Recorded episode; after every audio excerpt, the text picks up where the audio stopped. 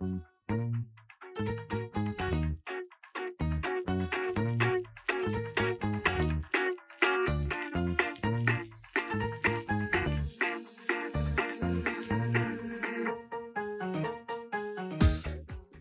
bon dia o bona tarda o bona nit, estiguis on estiguis, eh? Avui tenim una nova edició del podcast de Recomana.cat i avui ens toca fer tertúlia teatral. Estem aquí tres crítics de Recomana barra Nova Veu Tenim la Núria Canyamares i el Juan Carlos Olivares i una servidora, Judit Martínez Gili. I comentarem cadascú una mica el que hem estat veient últimament de la cartellera, no? Núria, tu de quin espectacle ens parlaràs? Jo parlaré dels Bruguerol, que ara mateix està al Teatre Borràs. Juan Carlos? Doncs farem una sala gran del TNC, Els homes i els dies, dirigit pel Xavi Albertí, dramaturgia del Miró i basat el text eh, de la novel·la Odietari de David Vilassar. Planazo, perfecte. Jo m'agradaria parlar-vos de noies d'aquestes, Girls Like That, que estan fent a la sala Versus Glòries. I, a més a més, tenim com a convidat especial el Jaume Riera, del 3C, que avui ens farà una petita ressenya sobre l'espectacle Xenologia, que es va veure fa uns dies a l'Antic Teatre. Doncs, si us sembla, comencem. Vinga, jo mateixa, doncs sí. Uh, doncs això, Ramon Madaula és l'autor i també és actor de uh, Els Bruguerol, que és una comèdia costumista, que és el tipus de, de, de teatre que ell escriu, que, es, que porta ja cinc obres escrites, que s'hi va posar, tots el coneixem com a actor, seguríssim, i a més és molt mediàtic, i l'hem vist a la tele, a part de mil cops al teatre, i des dels anys, que va fer uns 50 anys, es va posar a escriure. I li agrada doncs, fer aquest tipus d'espectacles de, això, comèdies que ens parlen doncs, del nostre dia a dia, que ens mirem a nosaltres mateixos i ens en riem, que, que bona, falta, bona falta ens fa. I això doncs, és una proposta que és una producció de Vitó, que és per passar una molt bona estona.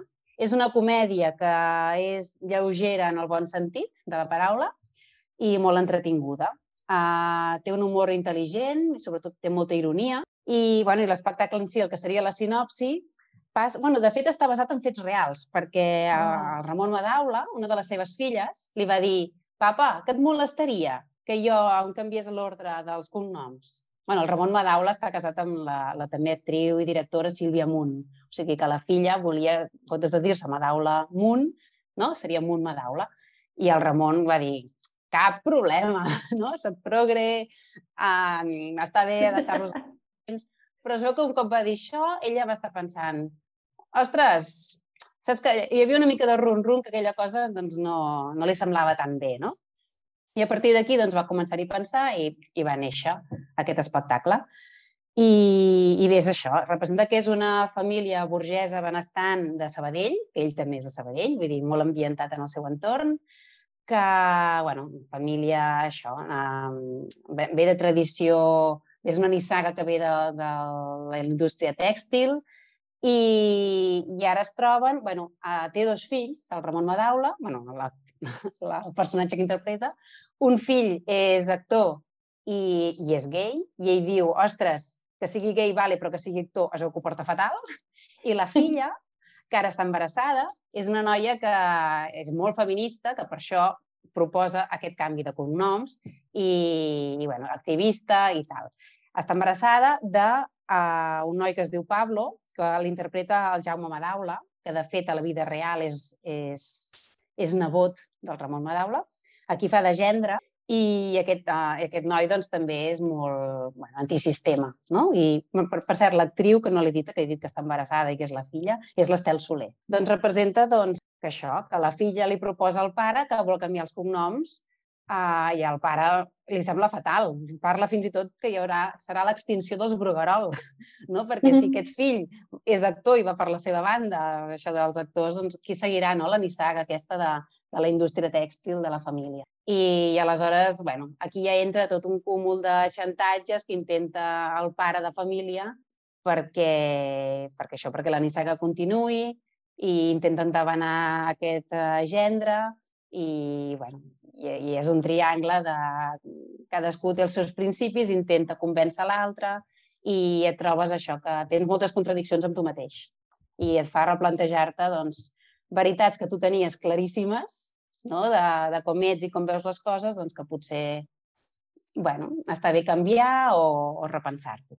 L'heu vista, Jo, vosaltres? la veritat és que no l'he vista i mira que sempre està sistemàticament a escena 25 i sempre penso, va, aquesta vegada, Judit, et compres entrades, eh?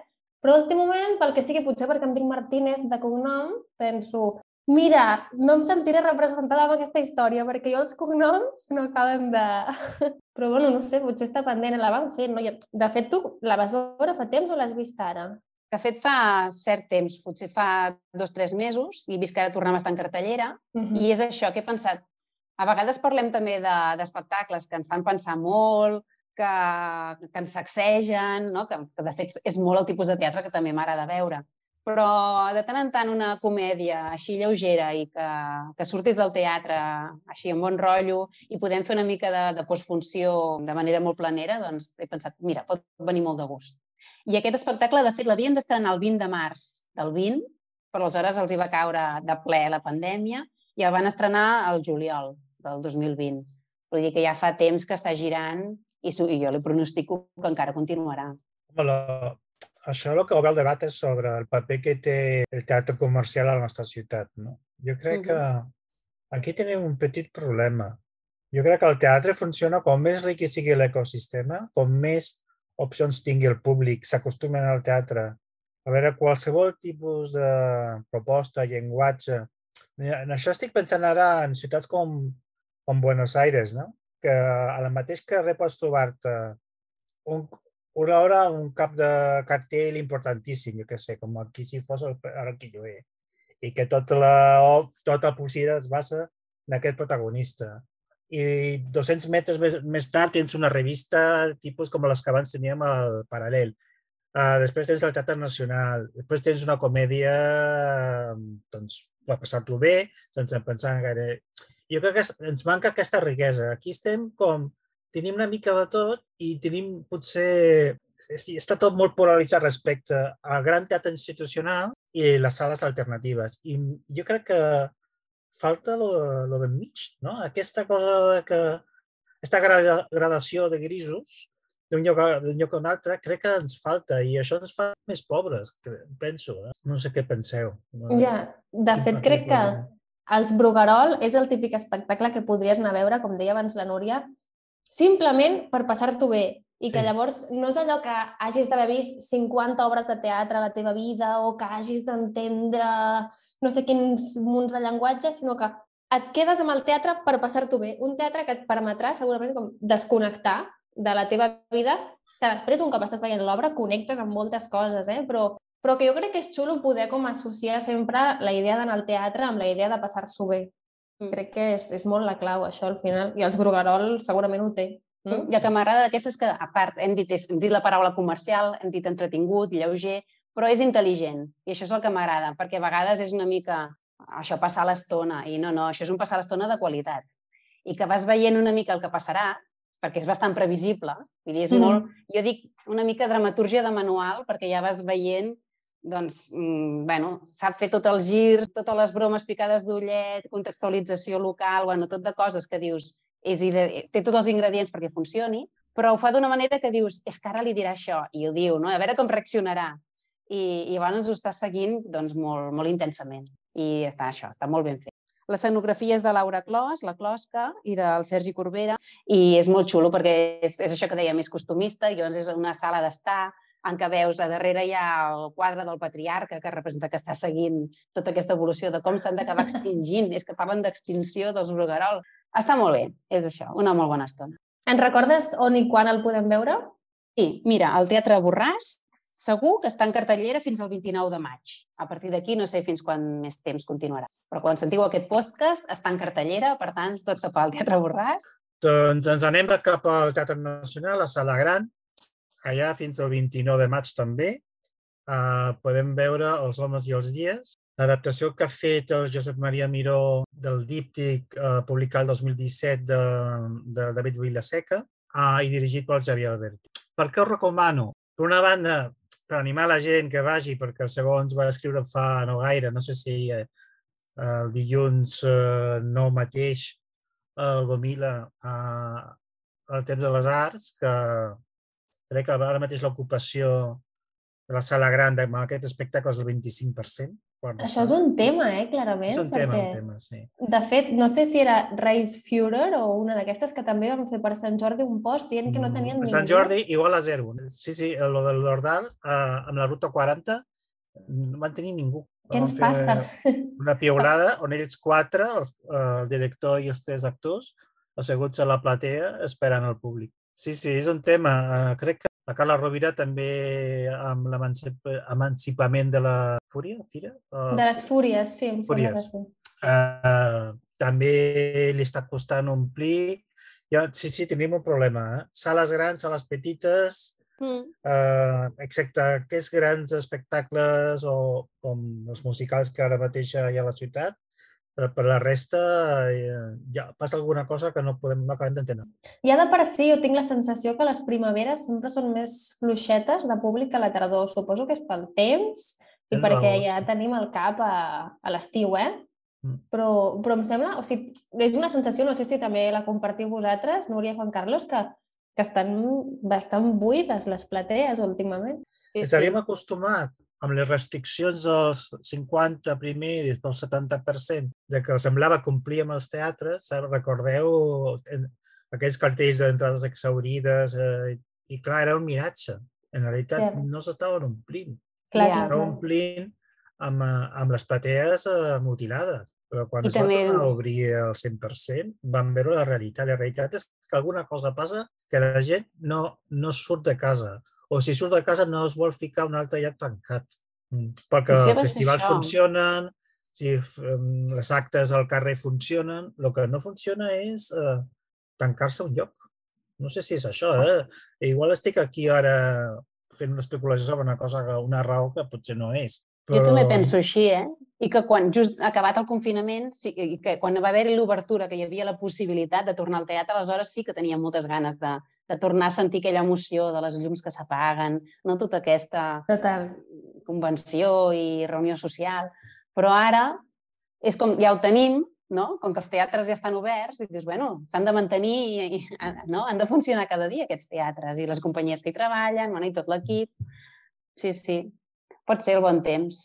Mm. Sí, però sempre, això sempre ho, hem- ho hem tingut i, i, se, i semblava que aquesta estacionalitat que jo, Judit, jo crec que tens força raó, però ja la teníem també el dos- 2017, 2015, 2016 i no era tan, tan manifest. No sé què passa, potser sí que ha baixat una mica per sota de lo que ja acostuma, acostumava a passar cap a la primavera. Això segur, eh? que no és el mateix anar al teatre al novembre-octubre que anar al maig. La gent té ganes de sortir. Sí, sí. Hi ha moltes propostes, això que deies, festivals, hi ha molta cosa de carrer. I ara hi ha I això, so, festes això, so, majors. I això omple, és a dir, que això no té problemes. Total. Doncs des del podcast de Recomana encoratgem a tothom a anar al teatre. A qualsevol sala hi ha per tothom. És a dir, que encara que no, no us ho penseu, hi ha un munt d'oferta i per tothom, per tots els gustos. És a dir, si vols el gran musical de gran producció ho tens, si vols el més alternatiu del món també ho tens, és a dir, que tens alternatiu al teatre oficial com l'Agnès Mateus, és a dir, que les barreges més boges les pots tenir a la ciutat. És a dir, que en realitat la- tant la Judit com la Núria i jo us animem a anar al teatre. Segur que trobareu alguna cosa que us engresca i que us, sobretot que us sorprèn i que us desperta la curiositat per tornar. I sobretot també has dit teatre i ciutat. Jo vull fer un petit aclariment, no? que, se- que segur que estàs d'acord, que és arts escèniques, no? perquè és dansa, Perdó. circ... Sí, sí. Correcte, I no, I no només a la ciutat de Barcelona. Aquí, aquí cadascú amb el seu calaixet, perdoneu. Però sí que és No, no. veritat, perquè, de fet, aquest cap de setmana vaig anar a veure Ciberexorcisme, de la Núria Guiu, que ha fet amb diversos tiktokers i ballarins, i tampoc estava ple. déu nhi la gent que hi havia, eh? però que al final s'ha fet tres dies. Vull dir, en teoria, si ajuntéssim tot el públic que va al teatre, ompliríem tres dies al Mercat de les Flors, però, però tampoc. Per tant, aquesta crida també va, va a totes les arts escèniques, correcte. Tot el, totes les arts en viu. Voleu que tornem als homes i els dies, Sí, vinga. seguim. Doncs per què? No només per omplir la sala, vull eh, portar aquest espectacle aquí ara al podcast de Recomana, sinó perquè jo que darrere hi ha un...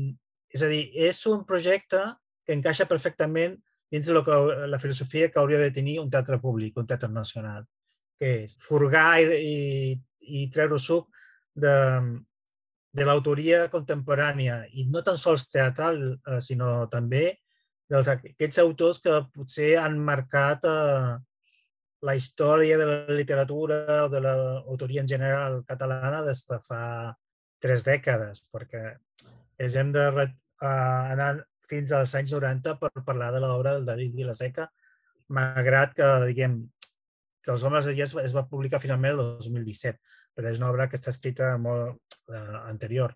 I això per una banda, és una banda per gest i per l'esforç per agafar una obra que en el seu moment, quan es va publicar, va ser molt, molt referencial pel món LGTBI, però després per, per l'esforç d'ocupar la, la sala, l'escenari de la sala gran, que és un escenari complex, amb una obra eh, que parla molt d'aquesta idea d'una dramaturgia complexa en el sentit de, a partir d'una novel·la, fer teatre i, i fer-lo d'una manera molt, eh, des del punt de vista europeu, molt sofisticat. I això ja encaixa una mica amb la, amb la manera que té l'Albertí d'entendre el teatre. Jo sé que he sentit algunes crítiques que li semblava el teatre, el, perdó, aquest espectacle una mica fred, però jo crec que encaixa molt bé amb la... Jo crec que està buscat, eh? me puc equivocar, però crec que aquesta presumpta fredor ja forma part de, del concepte inicial que volia transmetre uh, l'Albertí, perquè ell no amaga que és literatura, i és literatura del jo, de primera persona. El que sí que fa el Miró, i em sembla molt interessant, i recordo que això ho vam parlar entre altres, com, entre altres companys i companyes crítiques a l'estrena, és que el Miró ha fet una cosa molt intel·ligent, que és, um, de, és aquesta eh, veu única del jo, de l'autor, uh, atomitzar-la, repartir-la entre diverses veus. Con la qual què passa amb això?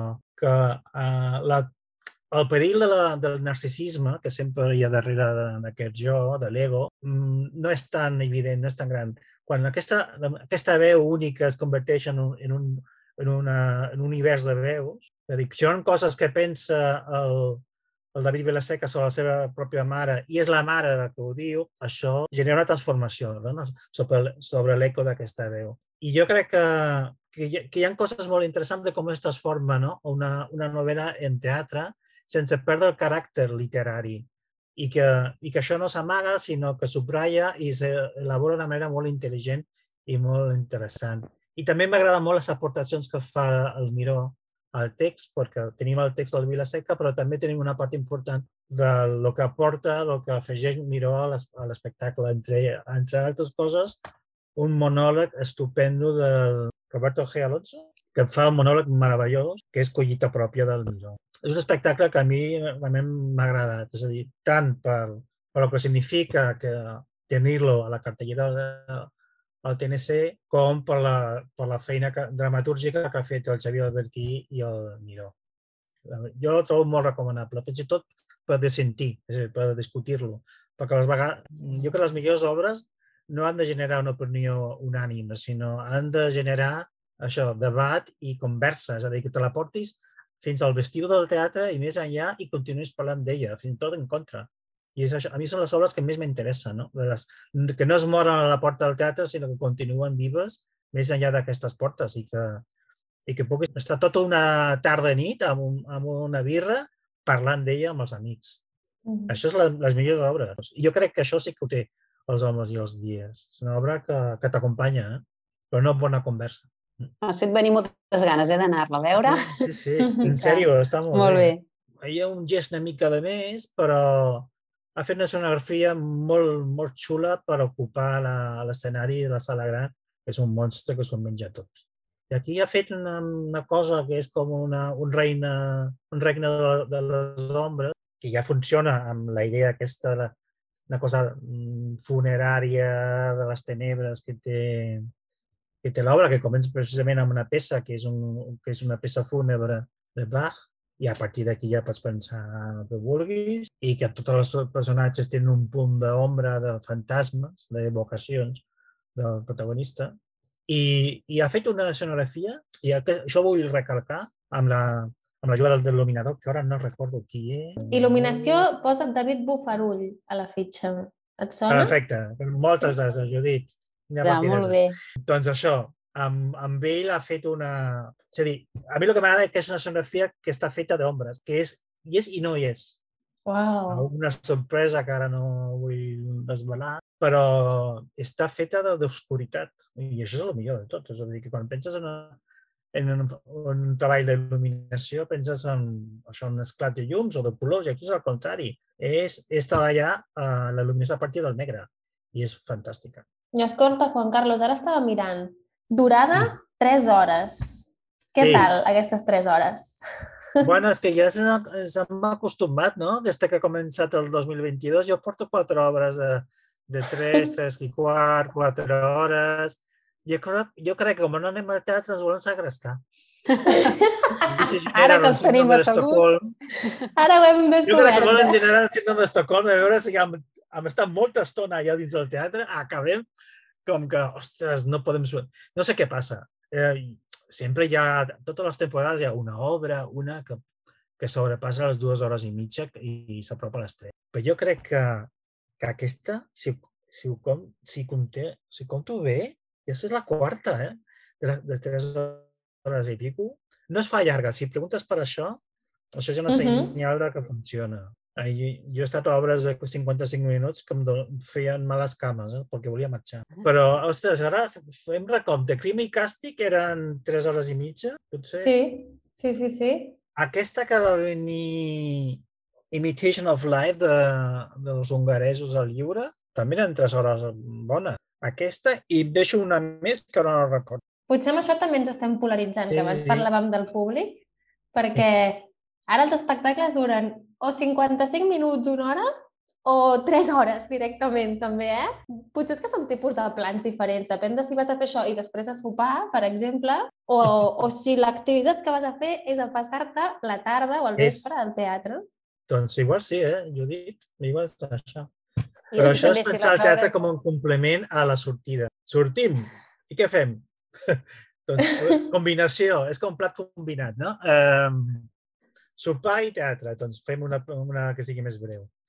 Mm. Només fem plat únic, d'una a tres hores, vinga. Depèn de la gana i la profunditat que vulguis no? trobar. Jo el que faria als teatres es muntaria un bar nocturn, un club a la sortida. I ens quedem allà. No és mala idea, eh? De fet, per No. donació, ara estava pensant que ara escoltarem l'àudio del Jaume Riera, del 3C, que ens parlarà de xenologia, que la vaig anar a veure ara farà un parell de setmanes a l'Antic, i que dura 25 minuts. O sigui, és pim-pam-pum. Entres, bueno, a la, o sigui, l'entrada, ara ens explicaran a l'àudio, eh? però l'entrada ja és l'espectacle, però des de que es fa silenci pel públic són 25 minuts i després ja està. O sigui, aquest sí que és un plan per després comentar durant molta estona fent birres i que acabes com decantant la balança i el teatre ha sigut només una part petita del, de la teva activitat social. Bueno, doncs eh, l'escoltarem. És un espectacle de dansa que busca trencar amb els conceptes establerts, on l'espectador no només és observador, sinó també partícip. Els cossos dels ballarins reben els espectadors quan aquests arriben al pati de, butaca, dins d'una atmosfera negra i un so inquietant. A partir d'aquest moment, les escenes es succeeixen en fragments il·luminats, allà on es produeixen moviments. Hi han molts pocs elements sobre l'escenari, la pell, punts de llum i un so penetrant que t'envolta i i absorbeix, i no et dona treva. De vegades el so es converteix en paraules, i en d'altres al revés. Les paraules es converteixen en so. Els ballarins no es poden comunicar uns als altres, i ni tan sols entre ells mateixos. Sempre estan sols, com la foscor negra que els envolta. Només hi ha petites treves. El moviment d'un- d'una mà, més suau que la resta de moviments, donen esperances de que hi ha una comunicació possible. Els moviments convulsos i espasmòdics dels ballarins transmeten por i lluiten contra l'aïllament. L'espectador acaba sol, com un ballarí més, mentre l'escenari és buida. Podem compartir el nostre jo amb un estrany? Sembla que, tot i l'espai, les possibilitats són quasi impossibles. Cal ser resilient. Doncs, Jaume Riera, moltes gràcies per, pels teus comentaris sobre xenologia. Com dèiem, aquest és un espectacle que es va poder veure a l'Antic Teatre i que desapareix dels escenaris fins a l'11 de setembre, que el podrem tornar a veure al festival a pie de calle. Molt algú bé, per la diada. I si us sembla així super ràpid flash, perquè anem super malament de temps, us parlo de l'espectacle que volia comentar jo avui, que I és... tant, ens faltes tu, digues. Falto jo, falto jo. Eh. És Girls Like That, noies d'aquestes, de l'Evan Placey, que l'estan fent a la sala Versus de Glòries durant tot el maig. De fet, va començar el 5 de maig i s'acabarà el 6 de juny. I estan de dimecres a diumenge, em sembla. O sigui, faran moltes funcions. Tenim molt de temps per pensar-nos si volem anar, no hi volem anar. Doncs, us explico. Um, no sé si us sona aquest musical perquè és, és, bueno, és un text que va escriure l'Evan Placey, Placey ara, el 2013 i que des de llavors el Regne Unit igual s'ha representat com 500 vegades perquè és la típica obra que surten moltes noies, molts personatges, i per tant és perfecta per fer-la com a, al taller de teatre, a l'escola, no sé què, a l'institut. Perquè la història va de que són... És, és un grup de noies d'un institut d'aquests privats una mica elitistes de, del Regne Unit que han anat juntes tota la vida, t'expliquen que són amigues des de sempre, que tenen un ordre social muntat, que sempre es protegiran unes altres, fins al moment en què es publica una foto despullada d'una d'elles. I llavors, a partir d'aquí, descobrim que, bueno, que, que aquesta cura que tenien entre elles era, era segurament un, una mentida. I bueno, no, i és molt interessant perquè o sigui, la història està explicada a partir dels comentaris que es fan internament totes les noies. En aquest cas són cinc noies, tot i que al Regne Unit s'ha vist amb totes les noies de la classe, amb 20 noies o amb grups més reduïts. I en aquest cas són cinc i, I és això, i anem sentint com les reflexions que fa cada una d'elles al voltant d'això, no? de, que moltes vegades no és que tatxem directament aquesta noia perquè ha publicat una foto despullada o perquè s'ha fet una foto despullada i l'ha passat, sinó que és com, ostres, ningú està dient res, per tant, jo tampoc diré res, o ningú li està anant a preguntar si està bé, per tant, jo tampoc ho faré, o, ostres, tinc aquesta foto, per què no la passo? Va, la passo, però només a un amic meu. I com d'aquí es va creant una, una gran bola i és molt interessant, a mi m'agrada bastant perquè més enllà de que el tema de, de que el sexting té els seus riscos, que això és una cosa que potser el 2013, quan es va escriure el text, sí que ens sorprenia molt i ara ja ho tenim, o sigui, no ho tenim superat, és com que ara tothom pot fer sexting i tothom sap quins són els riscos i els assumeix i ja està. Però més enllà d'això, o sigui, per mi posa damunt de la taula una cosa que és com que està supervigent, que és que eh, cada vegada doncs, potser som més conscients del valor del cos i del poder que tenim cada una sobre nosaltres mateixes i, i de com ser neutres amb tot plegat, però després ens trobem en situacions que potser ens, ens posen més en risc o poden qüestionar, no sé, aquestes coses com del, de l'organització social que en un institut és com mega important. I llavors, de cop, és com que, sense volgués, es desmorona tot això, no? tot el que teníem construït es desmorona i des de la mirada més o menys adulta ens pot semblar que és mentida, però de fet cada dia ens trobem amb exemples de coses d'aquestes que amb nosaltres mateixes potser som molt, no sé com dir-ho, molt feministes, però després sí que sense voler tenim molt a sobre, molt a l'esquena, com que si estereotips, que si micromasclismes, que si concepcions que, que està bé que te les posin damunt d'un escenari per recordar-te-les una altra vegada. I més si, com és en aquest cas, ho fan amb cançons de Beyoncé, amb cançons de Nati Peluso, amb cançons de Billie Eilish. O sigui, és un muntatge prou ah, no, no, és, uh, no és música original, és una no. jukebox. Mm, vale, vale. He, he estat investigant i sé que l'espectacle original l'han fet amb altres cançons en altres llocs, però en aquest cas és, és exacte, és com tu dius. En, i de fet, de fet, les cançons són origin... o sigui, en castellà o en anglès o en l'idioma que sigui de cop i volta, del mig del no-res es posen a cantar amb uns bozarrones, amb unes harmonies perfectes, una cançó cap al text va com en ell el dit, però que no, no, no estava en la història original. I la recomanaries per a algun públic en concret? Això t'anava a preguntar, és pels... generacional? Mm, mira, pot ser que sigui generacional, però per mi té com dos públics. Per una banda, franja d'edat, que ara mateix es troben en l'edat de les protagonistes, que em sembla que tenen, no sé si 16 o 17 anys, perquè t'enganxa total. Sí que és veritat que estem parlant de típic institut o internat anglès, però, però és institut al final, vull dir, moltíssimes converses pels mòbils, moltíssimes relacions d'amistat, relacions amb els nois de l'institut del costat i no sé què, tal i qual, però a la vegada a mi també em va connectar molt perquè jo que tinc 25 anys va ser, o sigui, va ser el meu institut i batxillerat el moment en què de cop circulaven les primeres fotos de no sé qui ha enviat unes fotos o uns missatges i ara ens podem fer captures, o l'informer o el fotolog de no sé quan on es pengen cotilleos, i que o sigui, crec que el moment en què es va escriure aquest text era quan, o sigui, jo hagués sigut una noia d'aquestes en aquell moment. Per tant, jo crec que són aquests dos. M'agradaria preguntar-li a algú que l'hagi vist més gran si, si també hi ha connectat o no tant. No ho sé, sabeu d'algú, vosaltres? No ho sabem, però, per exemple, a mi ja m'agradaria, és que jo vull anar a veure tot el teatre que existeix, per tant, també m'interessaria, perquè també veus, doncs, això, a, altres punts de vista de coses que potser et mires, no? Jo ja sóc més gran, passo als 25, i, i, i veus les coses, doncs, això, des d'una altra perspectiva, però que està molt bé poder-te posar la dels joves d'avui en dia en aquestes situacions. Judit, una cosa. Sí. Uh, és una obra que pot tenir una certa relació amb aquestes sèries ara que agraden tant, com el Elite o Eufòria o tal, o no res a veure? Sí, mira, a Elite, a Elite recorda, perquè també és això dels uniformes, d'embolics, de nòvios i desnòvios, de noies que es traeixen o que es doncs, fan suport. Sí, sí, sí que recorda. La veritat és que sí. sí si t'agraden aquest tipus de sèries, és fàcil que també t'agradi aquest espectacle, la veritat. Òbviament està portat, o sigui, es viu diferent, perquè ho estàs vivint en directe i a més la sala Versus té aquesta cosa, no sé si hi ha anat mai, que són dos grades i l'escenari està al mig. Llavors... I molt vertical. Molt vertical. Per tant, tens moltíssima bona visibilitat, però és que a més estàs a un metre de les intèrprets que més són cinc, o sigui que omplen moltíssim l'espai. Gairebé m'agradaria, m'hagués agradat que fos un espai més gran, perquè hi ha cinc persones movent-se a part d'espai escènic han muntat una mena com de gronxador circular, o sigui, com com l'estructura del gronxador i que li pengen com tres o quatre gronxadors, sí?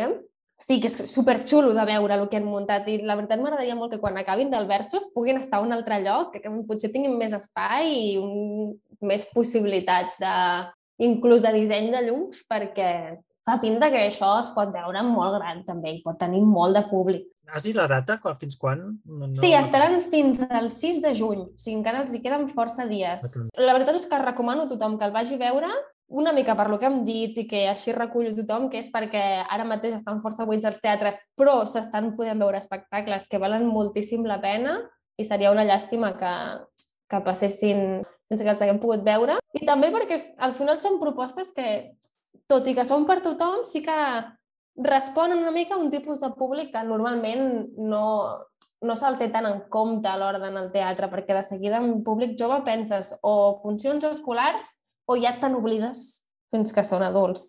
Això és una cosa que ens passa. Doncs... Però, bueno, cada cop es reverteix més, però sí, sí, sí. Per això, quan hi ha propostes, doncs que, que hi vagin, exacte, per poder confirmar que són necessàries. Uh -huh. pues com ha dit el Judit amb els homes dels dies, a mi també m'han dat ganes de veure l'obra, eh? Perdó, no la Núria. He dit. Molt bé. Doncs, doncs amb aquestes... teatres. Exacte. Que vagi molt bé. Fins la propera.